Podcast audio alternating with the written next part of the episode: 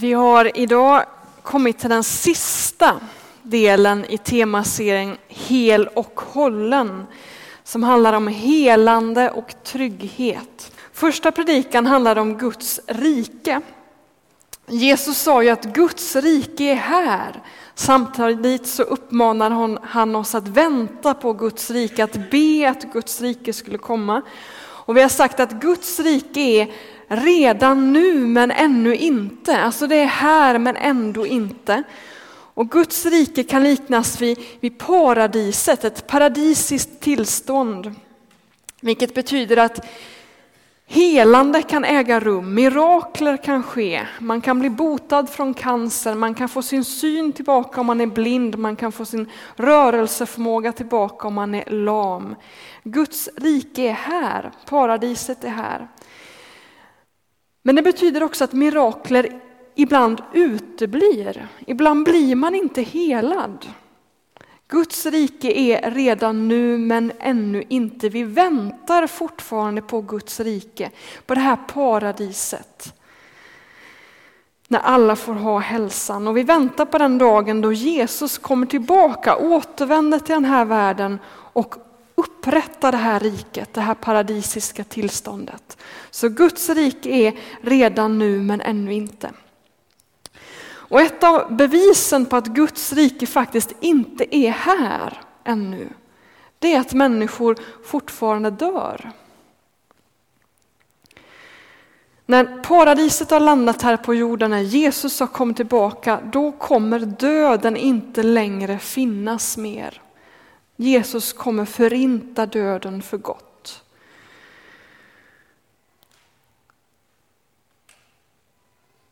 Idag, om man till exempel blir botad från cancer så kommer det ändå, man kommer ändå att dö. Det är bara helande, är egentligen bara uppskjutande av det där döendet. Hur ska man då som kristen se på detta med helande och död? Hur förhåller de sig till varandra? Och till dig som kanske är här för första gången eller sällan går till en frikyrka så vill jag bara säga att det här är någonting som vi sällan talar om. Man kanske gjorde det mycket förr, men det är inte ofta vi talar om döden numera. Så idag är du med om någonting sällsynt om du besöker här idag. Och vi ska gå till det fjärde och femte kapitlet i andra Korintierbrevet. Och det är ett brev skrivet av Paulus som var en av de tidiga kyrkans stora ledare och missionär. Och han skrev flera brev till församlingen i Korint och två av dem är bevarade och finns i Bibeln.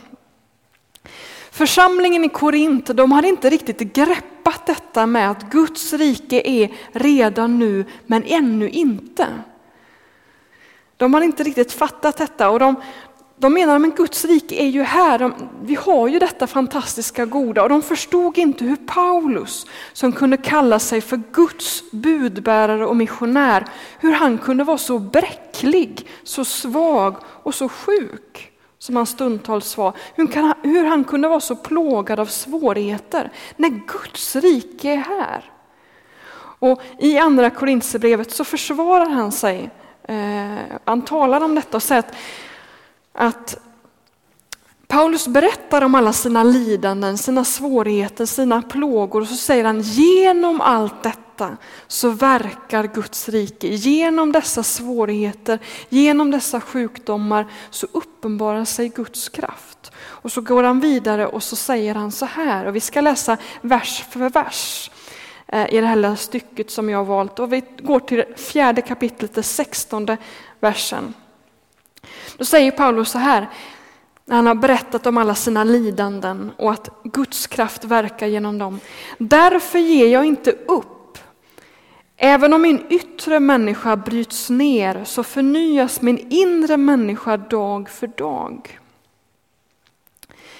Därför ger jag inte upp, säger Paulus. Därför är jag uthållig i dessa umbäranden. För han vet att hans inre människa den förnyas dag för dag. Hans inre människa förnyas dag för dag. Även om kroppen bryts ner. De kristna, menar Paulus, lever mellan två tidsåldrar. Medan den gamla fallna världen och den nya världen, Guds rike, paradiset. Mitt emellan dessa tidsåldrar, dessa tillstånd lever de kristna som har tagit emot Jesus i dopet, som hör till den nya världen. Mitt emellan dessa världar lever de kristna. Och den inre människan, den blir förvandlad av paradiset, av Guds rike. Genom dopet så händer det någonting här när vi tar emot Jesus. Den inre människan helas och förvandlas dag för dag. Medan kroppen, den kropp vi har idag, hör till den gamla världen, den fallna världen och den dör, den bryts ner. Den håller inte. Ibland kan man få vara med om helande under av kroppen. Ben växer, växer ut, cancer blir botad. Alltså mirakler kan ske. Men då är det bara tecken. Tecken på det där nya som ska komma.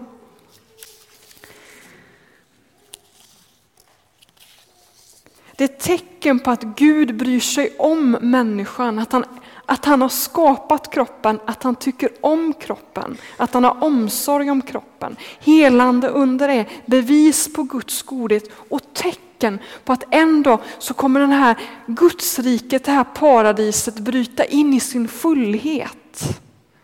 Men om kristna lever i spänning mellan de här två tidsåldrarna, den gamla världen och den nya världen. Och Paulus säger, den nya världen leder till att mitt inre förnyas dag för dag, även om min kropp bryts ner. Paulus lever i en process av läkedom och helande. En process. Någonting som förnyas, förvandlas, växer för varje dag.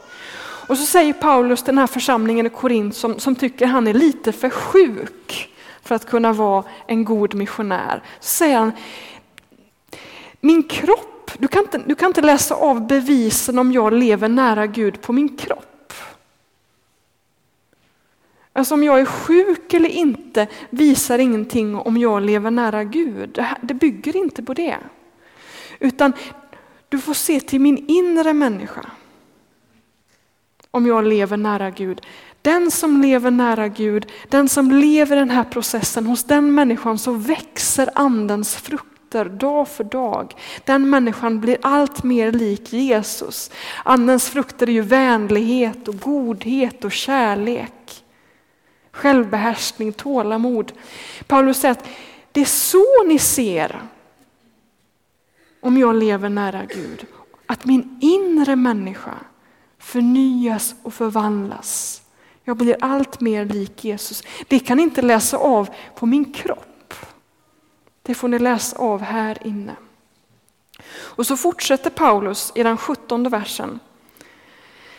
Mina kortvariga lidanden väger ju oändligt lätt mot den överväldigande eviga härlighet det bereder åt mig som inte riktar blicken mot det synliga utan mot det osynliga. Det synliga är förgängligt men det osynliga är evigt. Paulus umbäranden som lärjunge och som han beskriver i, kapit i, i det här brevet, du kan gå hem och läsa själv sen. De här umbärandena, att han förföljs, att han är ansatt, att han är plågad av sjukdom och bräcklighet. Det väger oändligt lätt, säger Paulus. Oändligt lätt. Mot det som väntar för den som riktar blicken mot det osynliga. Mot vad då? Jo, Jesus Kristus. Som för oss idag är osynlig men som en dag ska bli synlig. Bara för att det är osynligt för oss nu så är det inte overkligt. Det är i allra högsta grad verkligt. Rikta din blick mot riket och mot Jesus. Den osynlige. Den härligheten som väntar de som riktar blicken på Jesus, det är ingenting mot vår tillvaro här i tiden. Alltså våra lidanden väger oändligt lätt. Våra prylar väger oändligt lätt. Våra hus, vår tillvaro här är ingenting mot det som väntar oss. Vi har framtiden att glädja oss åt. Någonting härligt, någonting fantastiskt. Låt oss fortsätta den första versen i det femte kapitlet. Vi vet att då det tält som är vår jordiska boning rivs ner har Gud en byggnad åt oss i himlen, en evig boning som inte är gjord av människohand. Alltså Paulus berättar ju om sitt liv, att hans kropp håller på att brytas ner, den ska en dag dö. Och så kallar han sin kropp för ett tält. Han liknar det vid ett tält, han använder den metaforen. Men han liknar den kropp som vi en dag ska få i himlen vid en byggnad. Ett tält och en byggnad. Tältet är bräckligt, det går sönder. Men den som har sin blick fäst vid Jesus, den kommer få en ny kropp. En ny kropp. Som är frisk och stark. Nu vet jag inte vad jag är i mitt manus här. Jo, en frisk och stark kropp. Och så fortsätter Paulus så här.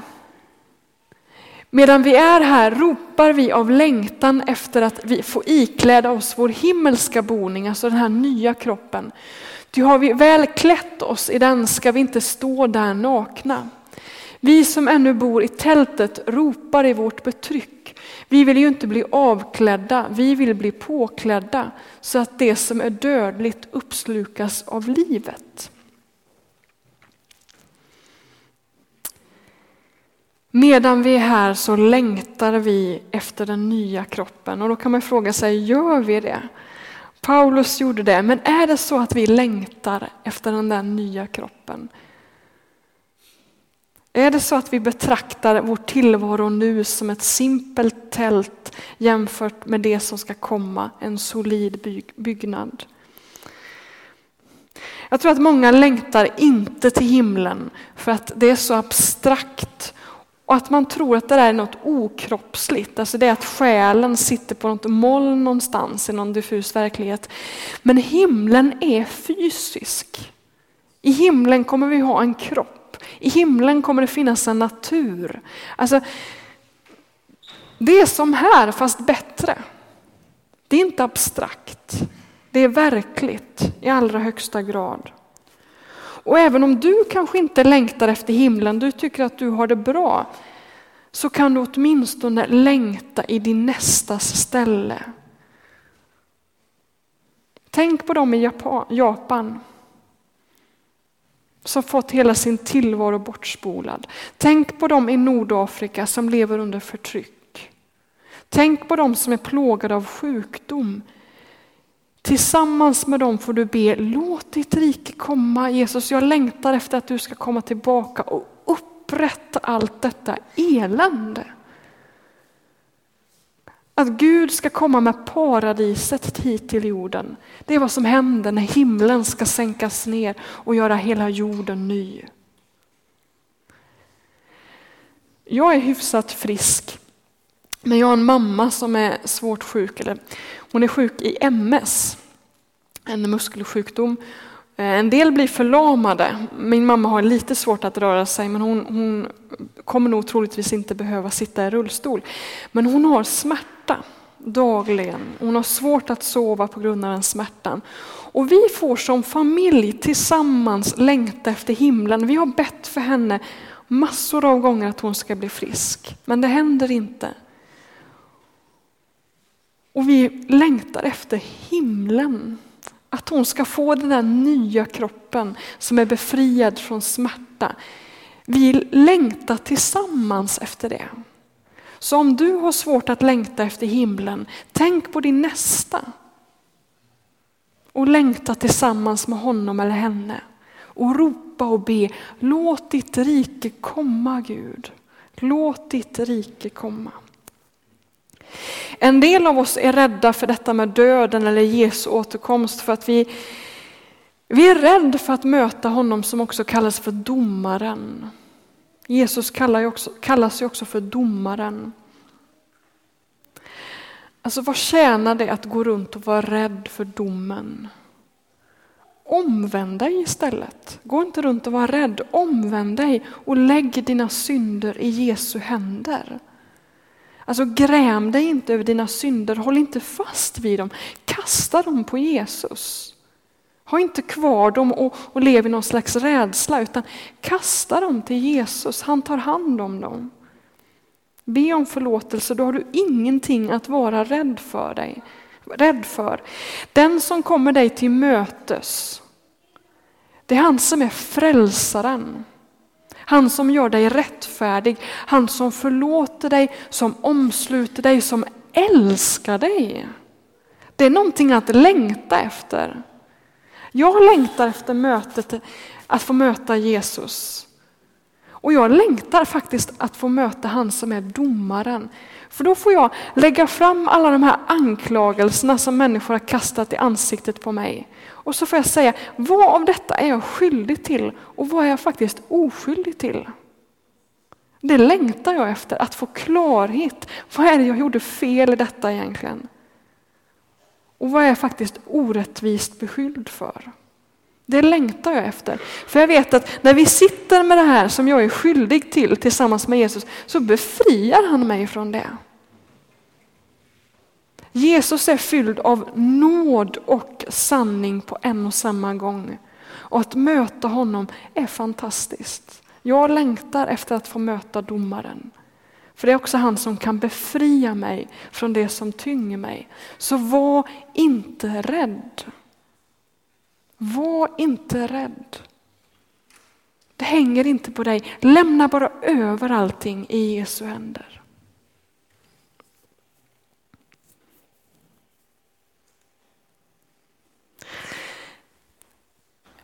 Även om Paulus längtar efter att Jesus ska komma tillbaka, han skriver det på flera ställen att han längtar efter att få bryta upp från den här världen. Så finns det ändå ett inslag av ångest och vi ser det i den här texten. Vi som ännu bor i tältet ropar i vårt betryck, vi vill ju inte bli avklädda. Och då tänker Paulus så här, alltså Paulus tror att Jesus ska komma tillbaka alldeles strax, snart. Och när det sker, då kommer de människor som fortfarande är kvar här, som inte har dött, de kommer få den här himmelska boningen som ett överdrag över det där tältet. Alltså man, de som fortfarande är kvar här när Jesus kommer tillbaka, de kommer inte bli avklädda utan de kommer bara bli påklädda. Alltså får inte vara med om det här nedbrytandet av kroppen som ett döende innebär. Förstår ni den bilden? Alltså, när Jesus kommer tillbaka så får man den nya kroppen direkt. Men Paulus känner en viss ångest, för tänk om jag hinner dö före det. Tänk om det är så att jag, min kropp kommer brytas ner och jag kommer stå där naken innan jag får den där himmelska kroppen. Det känner Paulus en ångest inför och det är helt okej okay att känna en ångest inför det som kristen. Inför, inför kroppens bräcklighet, att bli avklädd. Ändå är det så att längtan är starkare hos Paulus.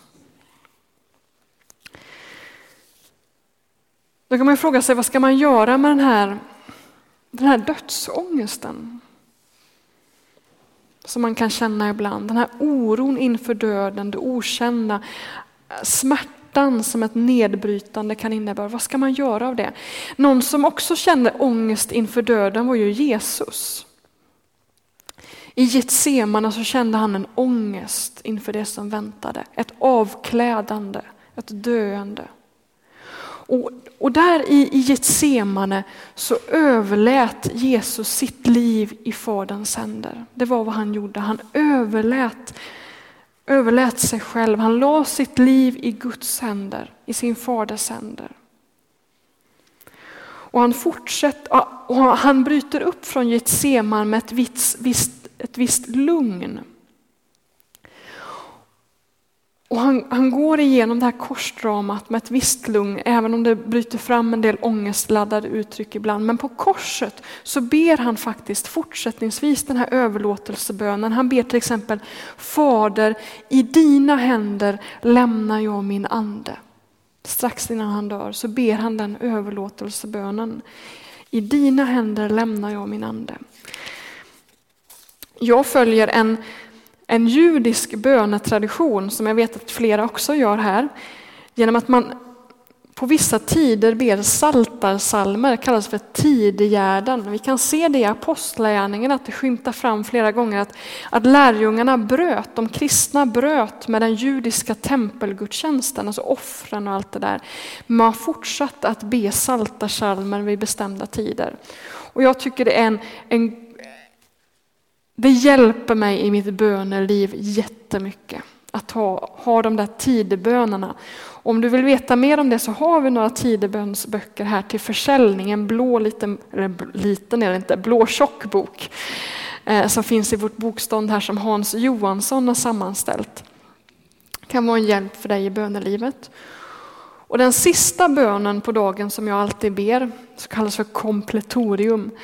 Eh, man har lagt till, förutom de här judiska bönerna, så har man lagt till nytestamentliga böner också. Och då ber man varje kväll Herre, i dina händer lämnar jag min ande.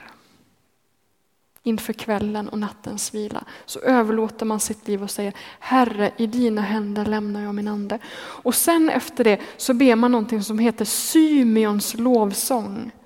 Du som som har läst evangelierna, kommer du ihåg Symeon? En gammal man som hade fått ett löfte. Att han skulle få se frälsaren innan han skulle dö. Och mycket riktigt, han får vara med i templet när, när Josef och Maria bär fram Jesus där i en slags barnvälsignelseakt. Simon får vara med där och ta Jesus i sina armar och då ber han så här. Herre, nu låter du din tjänare gå hem i frid, så som du har lovat. Ty mina ögon har skådat frälsningen som du har berättat åt alla folk. Ett ljus med uppenbarelse åt hedningarna och härlighet åt ditt folk Israel. Det ber jag varje kväll. Symeons lovsång och Jesu bön på korset. Herre, i dina händer lämnar jag min ande. Och jag gör det tillsammans med kristna över hela världen som valt att ta den här bönen som aftonbön. Och det är ett sätt att förbereda sig för sitt döende. Jag vet inte om jag vaknar upp nästa dag. Därför lägger jag mitt liv i Jesu händer i trygghet. Jag vet att jag har sett, jag har skådat någonting. Jag har sett Jesus. Jag vet att jag kan gå hem i frid. Jag behöver inte känna ångest. Så det här är ett sätt att förbereda sitt eget döende. Att varje dag be en överlåtelsebön. Att lägga sitt liv i Jesu händer och säga, jag är redo. Visst vet jag, om jag skulle flytta hem till Herren imorgon så så vet jag att det är många som skulle sakna mig, tror jag i alla fall. Och visst det är en sorg i det också, men jag vet att jag behöver inte känna ångest för egen del. Gud tar hand om mig och Gud tar också hand om mina anhöriga. De får jag också lämna i Jesu händer.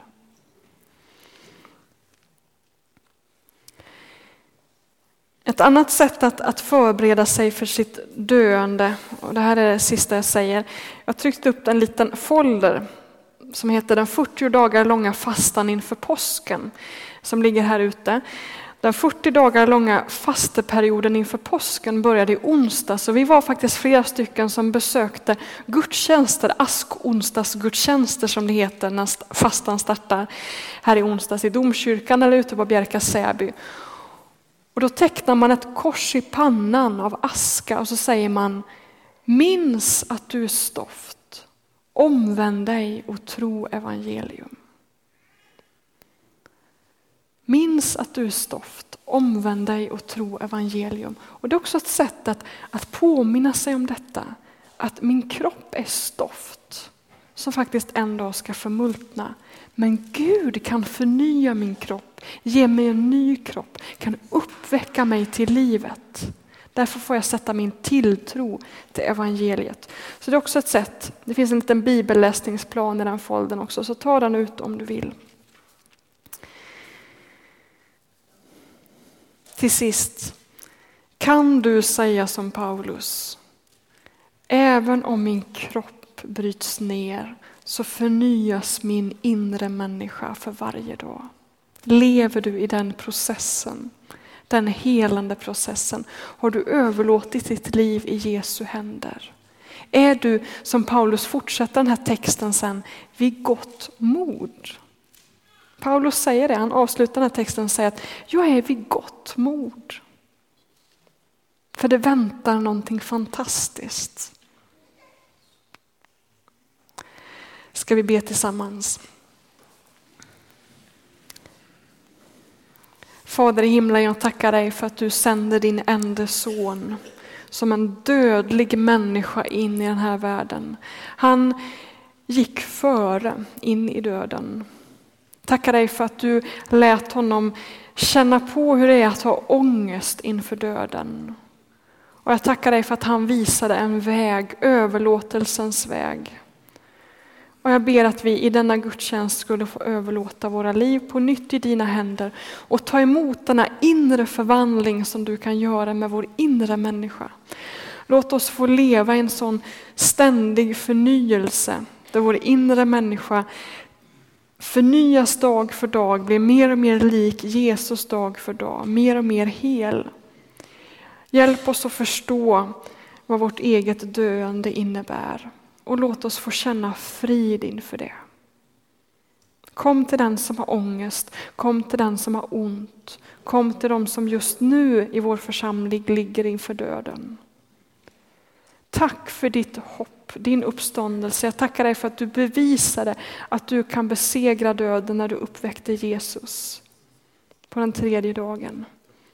Tackar dig för att du också kommer uppväcka alla dem som satt, satt sin tilltro till dig. Tack för ditt evangelium. I Jesu Kristi namn. Amen.